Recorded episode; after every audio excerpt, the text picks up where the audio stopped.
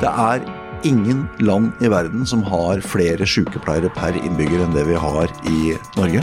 Og pengerikelighet er en resept på pengeøding. Var det et spørsmål? Det var et spørsmål. Kjør på! Svaret på det er jo at uh, ja. Her er Stavrum og Eikeland, en podkast fra Nettavisen. Øystein Dørum er sjeføkonom i NHO.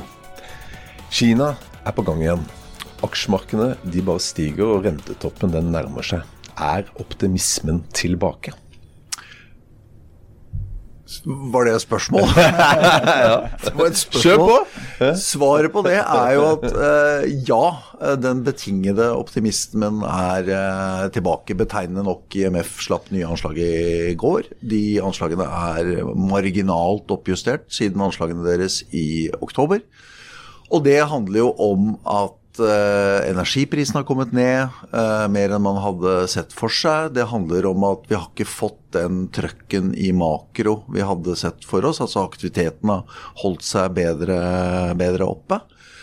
Uh, og at uh, i tillegg til energiprisene så ser det ut som det letner, det har det for så vidt gjort gjennom hele fjoråret, letner i forsyningskjedene. Så fraktratene kommer ned, mangel på utstyr og materialer er ikke så stor som den, den var. Og det gir et slags håp om at vi har inflasjonstoppen ikke så langt unna. Og har vi inflasjonstoppen ikke så langt unna, så har vi kanskje også rentetoppen ikke så langt unna. Og sagt med andre ord, vi har kanskje vært gjennom den største delen av kalddusjen post Russlands invasjon i Ukraina. Men hva skal dere i NHO drive da? Det er jo bare svartmaling og dette skrekkscenarioet skal komme, så kommer det ikke likevel? Jeg tenker at, at uh, vår oppgave når det gjelder å beskrive den økonomiske situasjonen, er litt sånn todelt. Altså, vi har jo månedlige medlemsundersøkelser, og da spør vi bedriftene om uh, hvordan uh, nå situasjonen og fremtidsutsikter er. Og det har vi gjort uh, i 15 år eller der omkring.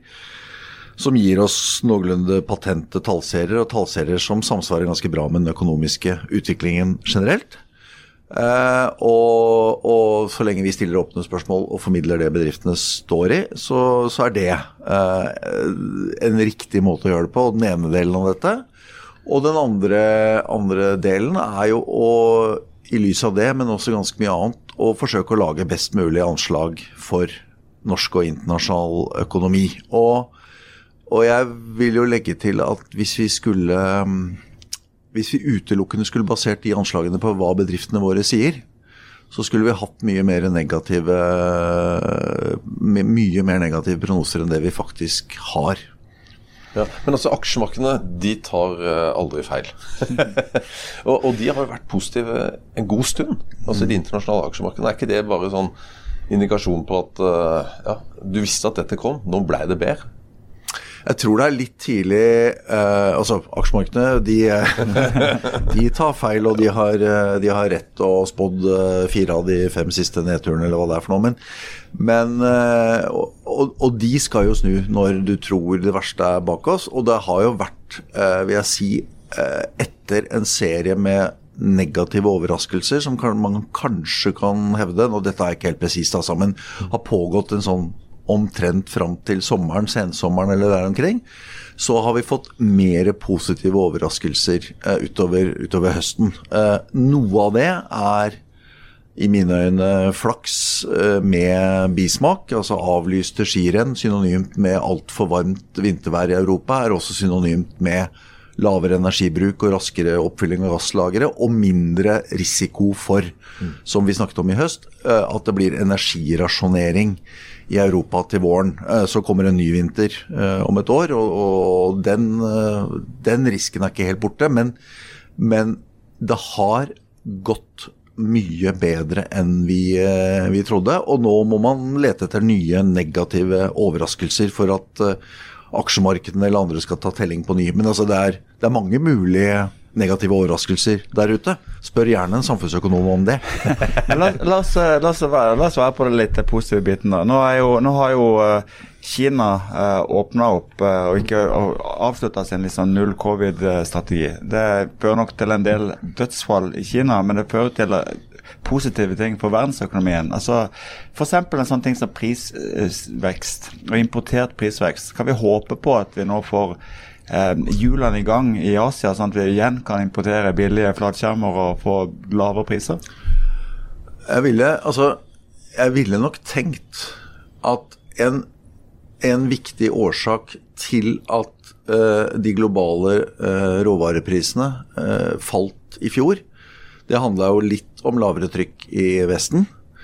Og så handla det en god del om lavere trykk i Kina. Kina er jo 50% av økonomien. altså På en rekke viktige råvarer så står de for 50% av det globale forbruket. Så når Kina kommer i gang igjen, litt avhengig av hvordan de kommer i gang, om de fortsetter å blåse opp den der eiendomsboblen sin, men når Kina kommer i gang igjen, så vil jo det på det området eh, virke i retning av å løfte, løfte prisene. Og så tror jeg ikke, uten at, uten at jeg har vært i detalj på, på det, så tror jeg ikke det liksom har vært mangel på importvarer og billige importvarer som har vært det store problemet nå det siste, siste året. Altså det der er, i hvert fall for Norges vedkommende, for dette har jeg sett en del på, eh, så er jo det, det store skiftet der, den store gevinsten av å flytte importen vår, f.eks. av klær og skotøy fra Syd-Europa til Kina, den er jo bak oss. Eh, Kina er jo ikke lenger et lavkostland. Nå flyttes produksjonen der til andre lavkostland osv. Og, og, når vi kommer til eh, sant, brødristere, julepynt og sånn, så har vi jo praktisk talt all vår import fra Kina allerede. Det er ikke mer, det er ikke mer forflytningsgevinster å, å hente på, på, det. Nå er vi offer av, av, den lønns- og prisveksten som man har i Kina på de, på de varene. Det var en lang, eh, lang digresjon på, på, det, men jeg, svaret er nei. Jeg tror ikke, vi, jeg tror ikke vi liksom, at nå kommer flatskjermene inn og og, og senker prisveksten vår. Pluss at eh, post pandemi så skal vi jo tilbake mot tjenester der vareforbruket vårt det går jo ned. Jeg må da se etter et annet lyspunkt. Det det vil i hvert fall føre til økt etterspørsel etter Vi vet jo energiprodukter der olje og gass er jo to ting vi selger, men, men også uh, måte, mer fart i verdensøkonomien. Det er jo det IMF sier. da, det er på en måte De, de spår større vekst. og Det er vel også de nå som mener at Europa ikke kommer til å gå i, i resesjon. Mm. Det er jo uten tvil eh, et lysere bilde enn bare for noen få dager siden. Definitivt. Og, altså, et lysere bilde enn det vi hadde. hvert fall for, ikke sant? Det er blitt gradvis lysere, vil jeg si. Og, og selv de siste stemningsindeksene for euro, altså nå, nå ligger det an til fall i Q4 eh, i Europa. Jeg tror vi får de, Enten fikk vi de tallene, eller så får vi dem i morgen. Men, men, eh, de siste innkjøpssjefindeksene, som er de beste løpende indikatorene vi har for konjunkturutviklingen, de, begynner, de har i hvert fall stabilisert seg, og de begynner nå sånn å, å tikke, tikke, oppover. Sånn at eh, vi er i, delvis i ferd med å skifte fot litt på, på makrobildet. altså liksom Fra å justere oss ned, så begynner vi nå å tenke at vi skal justere oss eh, opp. Men vi har fortsatt et nokså negativt bilde i, i bedriftene våre, medlemsbedriftene våre, og square dette opp mot. Det blir også bedre, eh, og det skyldes jo det samme eh, de samme avlyste skirennene som har brakt gasspris, strømpris ned i Europa og brakt strømpris ned i, i Norge. Sånn at det er færre bedrifter der ute som, som føler at strømregningen vokser dem over overhodet. Men, men, vi er fortsatt del av dette strømmarkedet i Europa. Eh, og hvis det nå blir bedre økonomi eh, i, ja, i, Europa mm. Du frykter jo ikke at høye strømpriser nå de, de neste årene? Altså, altså at det vil altså, plage norske bedrifter? Eller er det bare det jeg kan være ganske sikker på, er at høye strømpriser vil plage norske bedrifter. Eh, og så eh, forteller Altså, dette veit vi jo ikke, ikke sant. Altså, for bare helt, være helt ærlig, vi vet ikke. Vi vet ikke krigens gang. Vi vet ikke om det som er av restimport av gass fra Russland vil eh, stoppe opp. Vi aner ikke hvordan været blir resten av, av vinteren. Sånn at vi kan meget vel oppleve at disse strømprisene, gassprisene, strømprisene stiger i Europa, og at det drar med seg norske priser. Og vi veit fra de undersøkelsene vi gjorde i høst hos våre medlemmer, at dette biter ganske kraftig hos mange av dem. Og det er fortsatt mange av dem som, som fortsatt opplever at strømprisene er altfor, altfor høye. Men terminprisene har kommet ned, og terminprisene ligger enda lavere jo lenger ut i horisonten vi, vi ser. Altså med andre ord, strømprisene skal ytterligere ned. Altså det er det er billigere å tegne en syvårs uh, fastpriskontrakt på strøm enn en tre- og femårskontrakt på, på strøm, f.eks. Men det er jo fortsatt uh, høyt, relativt høyt i forhold til hva ja. man er vant med. Ja. Så jeg kan jo forstå at bedrifter vegrer seg for, å, for kanskje å gjøre det. Ja, altså disse fastpriskontraktene, der har jo, der har det jo pågått en slags tautrekking, skråstrek diskusjon mellom Vestre, skråstrek regjeringen og mange andre aktører. Og vår inngang til det spørsmålet har vært at uh, fastpris er vel og bra hvis man søker forutsigbarhet. Uh, de fastpriskontraktene som har blitt tilbudt nå, har så langt hatt lite fleksibilitet. Det har vært type tre, fem og sju år. Og det har vært 24-7-kontrakter, som betyr at hvis du er den vanlige altså bakeren i Lillesand, og du bruker strøm åtte til fire, fem dager i uken, så betyr det at den strømmen du kjøper til fastpris i helgen og natta, må du selge tilbake til leverandør til den spotprisen som da gjelder. Potensielt med et tap, og i hvert fall med en slags usikkerhet om hva du reelt sett betaler for den fastprisen. Så, og det siste, som alle som har tatt fastrente vet, og ingen kommentarer nå om, om, om, om det, det, står faktisk her. nei, nei, nei. nei, nei. Det, er, det, er, fra en tidligere jobb, og ikke, nå er jeg sjeføkonom igjen nå. Men som alle som har tatt fastrente vet, at du gjør det for å få forutsigbarhet. Du gjør det ikke fordi at du skal få en lavere pris. Får du en lavere pris, er det fordi du har hatt flaks. Og du kan også ha uflaks. Ja, for da har du slått banken, og det, er, det skal litt til å slå de sjefsøkonomene i bankene. da har du slått markedet, og på samme måte er det med fastpris på strøm. at hvis du, du, gjør ikke det for å få billigere strøm. Ja. Men du, um, Keynes sa vel at 'in the long run we're all dead'. Så hvis vi ser litt kortere på det altså nå, Folk flest nå, altså hva kan de forvente? Kan de forvente uh, enda flere brev fra banken om høyere rente? Kan de forvente at strømprisene i hvert fall nå i vår faller? Kan de forvente 5 lønnsvekst i lønnsoppgjøret? Og kan de forvente at arbeidsledigheten eh, blir lav? Kan, altså kan de få jackpot på alle variablene samtidig? Vi kan starte uh, på uh, Det ene er uh, Norges Banks renteprognose. Styringsrenten er 2,75. De har varslet en ny kvarting i mars. Da blir den tre. Og så er det mer eller mindre 50 sannsynlighet for nok en kvarting i løpet av året. Og dette igjen helt avhengig av inflasjonsutviklingen. Og der kan vi kvittere ut at uh, samla prisvekst har gått ned de siste månedene. Det skyldes jo, det skyldes jo fallet i strømprisene. Mens den underliggende prisveksten, x strøm, x avgifter, den er fortsatt tett oppunder 6% Så det gjenstår jo å se, både ute og hjemme, om Eh, hvor lang tid det tar å få dette ned. Og alle går nå på eggeskall, så å si, og lurer på hva som kommer på matprisene. Uh, hvor vi får uh, Det får vi jo ikke vite i konsumprisindeksen i bredt før, før 10.3, når vi får februar, februartallene. Men, men, det er ikke åpenbart at alle kostnadsøkninger som bedriftene har hatt, ennå er sendt videre. Ute så vel som hjemme. Så det er én faktor.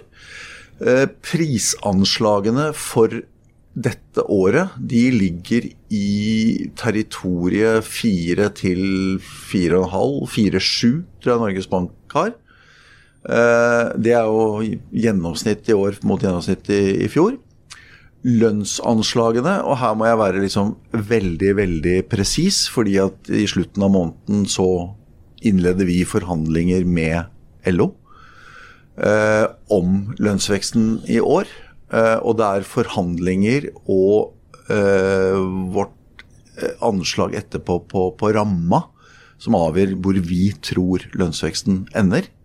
Sånn at det jeg nå skal si, det er Nå er vi veldig spent. da. Nei, men det er ikke vårt lønnsanslag. Vi har ikke lønnsanslag. Vi skal forhandle om lønnen. Men Norges Bank sier 4,7% SSB sier 4,7 prosent. Men om vi ender der eller et annet sted, ja, det er avhengig av forhandlingene, og det er avhengig av eh, hvordan eh, situasjonen er i norsk økonomi eh, og i arbeidsmarkedet når vi kommer ut på den enkelte bedrift eh, utover våren og sommeren når man skal ha lokale lønnsforhandlinger. Det er bare en liten del av lønnsveksten i industrien som fastsettes i de sentrale oppgjørene. Så IMF, gode IMF-tall, og at aksjemarkedene stiger og at optimismen er tilbake, det er noe dritt akkurat nå? Vi har uh, I Norge så har vi en lønnsdannelse som er basert på frontfagsmodellen. Og frontfagsmodellen Nå kommer jeg til å fullføre setningen. Den, den hviler på to bein. Det ene beinet det er at det er lønnsevnen i frontfaget, altså industrien, som bestemmer lønnsveksten. Så sant, det de kan leve med i konkurranse, industrien kan leve med i konkurranse med aktørene utenlands, bestemmer lønnsveksten der. Og det andre beinet er at de andre oppgjørene følger den, eh, den lønnsveksten. Ja. Eh, og så, så, svaret er dette må vi se på hvordan situasjonen er i industrien. Aksjemarkedet Nå holdt jeg på å bruke et mindre godt ord, men altså, vi bryr oss lite om aksjemarkedet Men, i denne sammenheng. Kronen er svak, så det er jo positivt for industrien? da? Det er positivt. Ja. Svak krone er bra for konkurranseevnen, men krona er en illojal alliert, som vi pleier å si. Den uh, svinger. Men du, du, du ga et stikkord nå. Altså, jeg, jeg tolker det dit hen at det var, det var jo ikke, du så jo ikke for deg det store økonomispøkelset de, de, nærmeste månedene ut fra det vi nå ser. Men du sier jo heller ikke at faren er helt over, uh, det oppsummert. Men uh, du nevnte frontfagmodellen som et stikkord. Og det er jo sånn i uh, Historisk har det vært på en måte en begrunnelse for at vi trenger å skjerme, eller vi trenger å ta hensyn til konkurranseutsatte bedrifter når vi skal ha lønnsdannelsen, så ikke det offentlige stikker av. Mm. Men i, i, en situasjon som nå, da, som i fjor, hvor vi hadde staten vel 1700 milliarder kroner i overskudd, et sinnssvakt overskudd på handelsbalansen mm. på olje, gass, energi, mm. samtidig som vi har ekstreme mangel på, på arbeidskraft i mange deler av offentlig sektor er ikke hele grunnlaget for frontfagmodellen i ferd med å dø uh, under beina på det? Uh, her uh, sitter, sitter, sitter, mak sitter makkeren og, og, nikker sånn happy med huet. jeg, jeg vil uh, si det slik. Frontfagsmodellen har betydelige spenninger. Eh, noe av det er knytta til også i privat sektor, at situasjonen i ulike bedrifter i privat sektor kan være ulik. Altså at eh, industrien kan være et sted, og de andre kan være et annet sted. Men nettopp noe av eh, hva skal jeg si, siktemålet med å ha eller, eller beholde eh, industrien som, som frontfaget, det er jo på den ene side at det er genuint konkurranseutsatt de, eh, hvis de får en for høy lønnsvekst, så priser de seg ut av markedet. Men det andre er jo at de har også det store nok institusjoner, organisasjoner, til å ivareta det ansvaret de er gitt. Så, så, så det er ett et poeng. Et annet poeng er jo at øh, hvis vi skulle hatt en modell hvor øh, gutten i rommet med de dypeste lommene, les staten, til enhver tid kunne overby privat sektor, så hadde offentlig sektor est ut på bekostning av privat sektor i bredt og konkurranseutsatt sektor eh, i, i, smalt eller mer, mer eh, spesifikt. Og så er det sånn at lønn er viktig for å rekruttere arbeidskraft. Eh, men de utfordringene som vi står overfor på helseområdet, de kan vi ikke løse alene ved å betale opp lønna til sykepleiere og leger. Det er ingen land i verden som har flere sykepleiere per innbygger enn det vi har i Norge. Eh, vi ligger tett på toppen når det gjelder antall eh, leger. Vi har valgt å organisere oss på en sånn måte at vi har eh, flere små regionale distriktssykehus. Det er dyrere framfor å tenke mer serieproduksjon av en del ting. Vi har mye å hente på å ta i bruk teknologi for å få mer ut av, ut av ressursene osv. osv. Widsvang skrev en utmerket artikkel om dette i DN i dag. Hvis jeg får lov, da. Ja, men selvfølgelig. selvfølgelig. Men, men, men uh, altså, byråkratiet, uh, administrasjonen i offentlig sektor mm. Har den blitt for stor? Nå tenker ikke jeg de der sykepleierne, lærerne, men altså, all, all administrasjon. Altså, eh. Nå er vi litt sånn i lobland, føler jeg. dette, er, dette er en lobb. Altså, vi har Norge har den høyeste andelen offentlig sysselsatte av alle industriland. Vi har et offentlig utgiftsnivå på 60 av BNP. Eh, våre nordiske naboland Danmark og Sverige har kommet ned på ca. 50% av BNP. De er også velferdsstater og velfungerende velferdsstater. Og med altså Noe av dette reflekterer selvfølgelig olje, oljerikdommen. Eh, så vi har på en måte hatt, hatt, råd, men vi har også et av de høyeste skattenivåene i verden.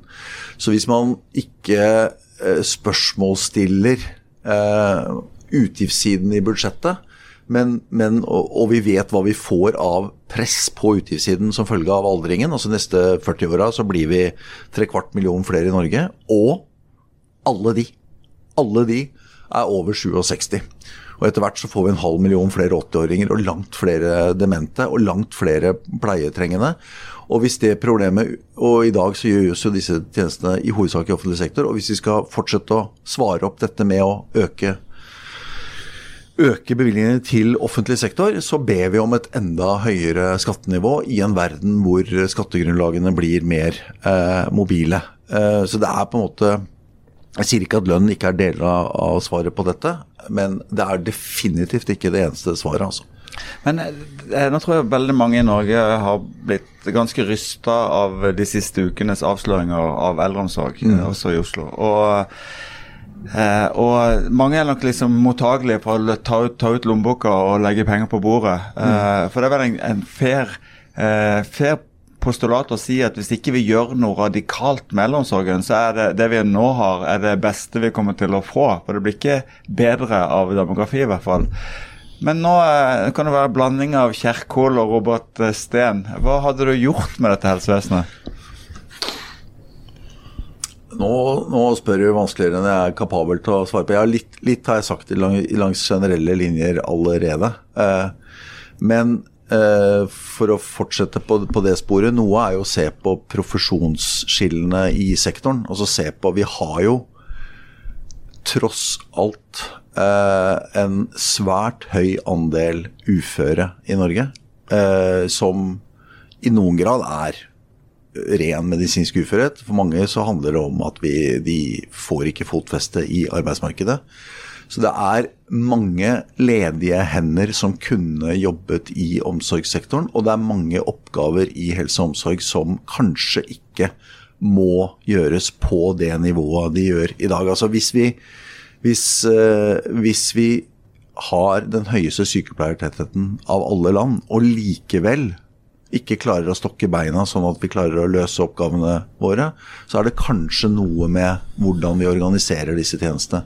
Og, og, som andre har pekt på med dette litt utafor mitt fagområde, men liksom bruk av elektroniske sensorer for overvåking, bruk av elektronikk for fjerndiagnostisering osv. osv. Det er, er ting man kan gjøre der, eh, der også. Men det som er nokså klart, tror jeg, det er jo at vi har alle sammen ekstremt høy betalingsvillighet for å leve noen gode år til. Sånn at hvis, hvis ikke dette løses ad offentligvis, så vil jo også vokse frem et større privat helsetilbud mm. utenfor. Jeg skal våge, våge en påstand tilbake. da, så jeg tenker at uh, vi må gjøre noe med nærmest sånn sklerose i systemet som har stivna i, i, arbeidsformer hvor man, hvor man, på en måte ikke har lyst til å jobbe helgevakter og turnusvakter eh, når pasientene faktisk trenger 24-7 omsorg. Der, mm. der må, vi, må, det skje noe.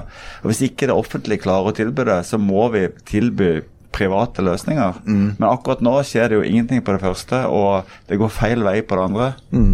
Påstand. Ja, ja, nei, og det, det siste, er jo, siste, er jo, riktig. Og, og utfordringen eh, ja, altså det, det, på, I noen sammenhenger så kan det virke som det er en slags uh, eh, som det er synonymitet mellom det å ha private løsninger og at de er tilgodesett de med best betalingsevne. Og, og, jeg tror at uh, de fleste i hvert fall vil jo ønske at vi, det helsetilbudet vi har, det er eh, likt for, for, alle. Sånn at uh, det, vi må gjerne ha private løsninger, men da må de på en eller annen måte være finansiert over det, over det offentlige. Men ideen om at du skal stenge ute private, private tilbydere fordi de har en eller annen avkastning som de må ha som avkastning på, på, den kapitalen som de har gått inn med, det er jo å stenge ute et potensial for å utvikle andre løsninger. For, for, mye av dette handler jo nettopp om det, altså finne nye løsninger. Og så kan man altså legge til at uh, jeg tror vi har eksempler på, på vann, vannskjøtsel eller vannstyre både i offentlig og privat sektor. sånn at det vi vi i denne sammenheng NHO etterlyser, er jo at du skal ha du må ha innkjøpskompetanse i offentlig sektor til å finne gode private, private tilbydere. Men det er eh, helt, altså, Tenk om vi skulle tenkt sånn på andre områder. At vi kan ikke ha, Det kan ikke være sånn at eh, tjenester og, og varer som det offentlige bruker, skal produseres av det, av det offentlige. Og hva som i denne sammenhengen er så spesielt med helsetjenester, det er jeg litt usikker på. Ok, uh, I din tidligere jobb mm. uh, så var du sjeføkonom i, i, i DNB. Mm. Uh, nå er du jo hos NHO, som sagt. Men du kan jo litt om oljepenger og bruken av, av de. og I mange år så var det jo alltid snakk om at hva, hva skal vi leve av etter olje og alt det. Men nå mm. er det 13 000, sist jeg så var det 13 400 milliarder i det fondet. ok? Mm. og det bare vokser og vokser og vokser. Er det blitt så stort nå, og det blir så stort nå de neste ti årene, at, at å altså, Vi kommer jo til å ha så mye penger at det er jo ikke noe problem altså, Penger er ikke et problem for Norge lenger. Etter olje også. Altså, nå, nå skal jeg medgi at det er eh, Vi har jo hatt vanvittig med inntekter de siste årene. sånn at de, de, langsiktige regnestykkene som ble presentert i perspektivmeldingen, de vil se litt annerledes ut, uh, ut nå. Men hele ideen bak oljefondet, det er jo at vi det er nå vi tapper Nordsjøen. Uh, og det er nå, uh, og det er den generasjonen, eller de generasjonene som er her nå, som får disse inntektene. Og så setter vi de inn på fondet, og så lever vi av realavkastningen. ikke sant? Bondetilnærmingen, etterveksten av skauen og, og sånn. Og basert på de beregningene som var i perspektivmeldingen, som sagt lite forbehold, for den banen vil ligge litt høyere nå med de siste tallene. Men da ville bidraget fra oljefondet det ville stige litt de nærmeste årene, og så vil det begynne å falle relativt til samlet aktivitetsnivå, som er det relevante. Fordi at det skal jo gå til å finansiere løpende utgifter som vokser i takt med økonomien. Samtidig som vi står foran økte utgifter til pensjoner og, og eldre. Sånn at vi hadde et inndekningsbehov eh, der. Så man kan alltids ta det der perspektivet at nå tar vi en runde på, på, på, byen, men det vil bare gjøre det framtidige inndekningsbehovet større. Altså, men, men, for all del, Norge har, det, Norge har på en måte i denne sammenheng mindre problemer enn andre land har. Det gir oss en, en høyere konsumbane enn vi ellers ville hatt. Jo, men jeg, altså jeg, snakker ikke om en sånn altså fri flyt av og bare løsslipp av, av, penger ut i samfunnet. Men, men, men altså det, vi kommer jo til å ha 20 000 i det der fondet i løpet av ikke altfor lang tid. Altså det, det, er jo fakta. Børsene jo, er jo fortsatt uh, lavere enn det de var på toppen, så vi får den med oss. Altså, det, det, er, veldig mye positivt der. Og, og da lurer jeg på kan, altså, Er vi for konservative? I bruken av disse pengene? Kan vi gjøre andre ting og, og investere i infrastruktur og gjøre den type ting for å, for å bedre andre deler av økonomien? Andre... Du spør feil person. Ja. Men uh, det, fordi at svaret på det er uh, nei. Uh, i, altså, ikke sant. Det, det oljefondet og hele konstruksjonen gjør, eller gir oss, det er en sånn permanent påplussing eh, av den verdiskapingen vi har. Hvis det er liksom 3% av oljefondet, så er det kanskje 10% av BNP, og så er det røftlig en femdel av offentlige utgifter. Ikke sant? 20 av offentlige utgifter permanent finansiert bare ved å tappe kapitalen i oljefondet. Hvis vi bruker mer penger nå, så vil en mindre del av de offentlige utgiftene framover kunne finansieres fra oljefondet. Og så følger jeg liksom tankegangen at hvis vi, ja, men 3% realavkastning ute, hva hvis vi bygger vei? Eller ny togtunnel fra Ski til Oslo for, eh, for pengene? Og Problemet med mange av de investeringene vi gjør, er jo at de har en lav samfunnsmessig eh, nytte. Og så blir de mye dyrere. Og så blir de ofte mye dyrere. Eh, og, og, og det er ikke sånn at det er liksom hvis det var sånn at det sto en kø av investeringsprosjekter, og, og det siste prosjektet hadde mye høyere avkastning enn vi fikk i oljefondet, ja, da gir diskusjonen mening. Men massevis av de investeringsprosjektene, samferdselsområdet vi setter i gang, de har jo negativ samfunnsmessig nytte, eller svært lav samfunnsmessig nytte. Og pengerikelighet er en resept på pengeøding. Så, vi, så, så, så du må hele tiden tenke ok, hva er alternativbruken av de penga? Er det sånn at alt vi gjør nå er kjempesmart? Og at det er lurt å flytte en krone fra oljefondet til Bare ta det banale, da. Altså, Du har en sånn kreftmedisin i, i Sverige som, uh, hvor de, de, kjøper inn en kreftmedisin, og så gjør Norge en annen som er billigere.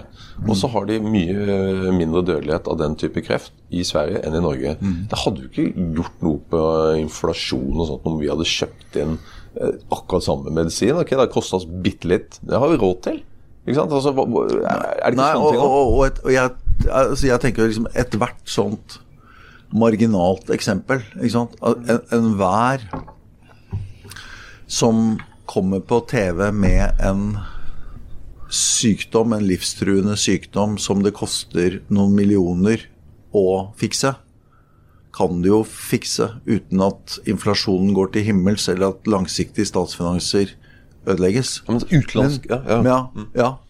Men, eh, men, eh, men hvis, du, hvis, du, sier ja til det ene, hvorfor skal du si nei til det neste? Og hvis du sier ja til alt, så holder ikke første tese lenger. Da, da er du på en annen, en annen vei. ikke sant? Så det, og ære være de politikere som Nå kan diskuteres formen av og til, men ikke sant, ære være de politikere som står i stormen og sier at vi har faktisk ikke råd. Jeg syns ikke, ikke, de skal bruke inflasjonen som argument så mye som de gjør. For at det som du var inne på i stad, det kan godt tenkes at det er en tidel på prisveksten, og det er Men Gunnar, han har jobba i Finansdepartementet. Altså, ja. Han er en av de der eh, byråkratene der. Ja. Altså, eh, eh, du har det. Altså, ja, jeg har vært det. Ja, ikke sant? Ja. Altså, hadde du altfor mye makt når du var der? Har de altfor mye makt, disse som jobber der? Altså, jeg synes Alle politikerne, Frp-ere, SV-ere, Høyre-folk, Ap-folk, alle blir jo akkurat samme, samme man kunne jo ta det perspektivet at uh, Dels så kan man ta det perspektivet at, uh, at, når vi har den voldsomme rikdommen, så er det bra at det er noen motstemmer som kan uh, kontre dette. For at den, den dansen rundt gullkalven, den, den, kommer til å tilta i årene. Jeg skjønner at her sitter folk som, som nører opp under, det, opp under, det, Så det er nå den ene, ene biten. Og så er den andre er jo at det er jo Altså Hvis det embetsverket både i finans og andre steder mente var dumt, så ville de jo ikke fått gjennomslag. Det er jo politikerne som faktisk eh, bestemmer. Og dette er jo en sånn form for Kall det nasjonal nøysomhet, da, som er omsatt i noen, eh, i noen regler. Altså Nasjonal nøysomhet og, og, forsiktighet. altså I en del andre land så, så, har man jo systemer, eller fravær av systemer, som sikrer at pengene svis av i det øyeblikk de opptjenes og hvor mindre legges til side for, for regnværsdager. Det er ikke noe, det er ikke gode systemer, det. I bunn og grunn så er det jo virkeligheten vi snakker om. og Hvis du ikke har noen arbeidsledige, så har du ikke noen folk til å gjøre de tingene du skal gjøre innenlands. Nei, nei, men vi kunne kjøpt arbeidskraft utenifra hvis det var det om å, å gjøre. ikke sant? Så vi, det, man har jo, Dette er jo, som Carl I. Hagen har minnet om mange ganger, dette er jo, det er jo tøyelige størrelser. En, en, eller annen maskin, eh, helsemaskin fra utlandet skaper jo ikke inflasjon i Norge i seg selv. Nei, men Bygging i Norge vil, vil nok gjøre det. Men, men du, eh, vi må nærme oss, nærme oss, slutten. Men det er en ting som, som, folk eh, på en måte sliter med å få tak i. Det er sånn eh, Vi har en enorm oljeformue. Vi bruker penger på all verdens ting innenlands. Vi bygger riksvei E39 ferjefri 400 milliarder kroner. Altså det, det, det mangler ikke på penger til skipstunneler her og der. Og allikevel Eh, så opplever vi altså at, eh, at, eldre personer som bor hjemme og sparer samfunnet for uh, sykehjemsplass, opplever 21 pleiere på 16 dager, og vannskjøtsel og vannstyre. Hvorfor er det sånn?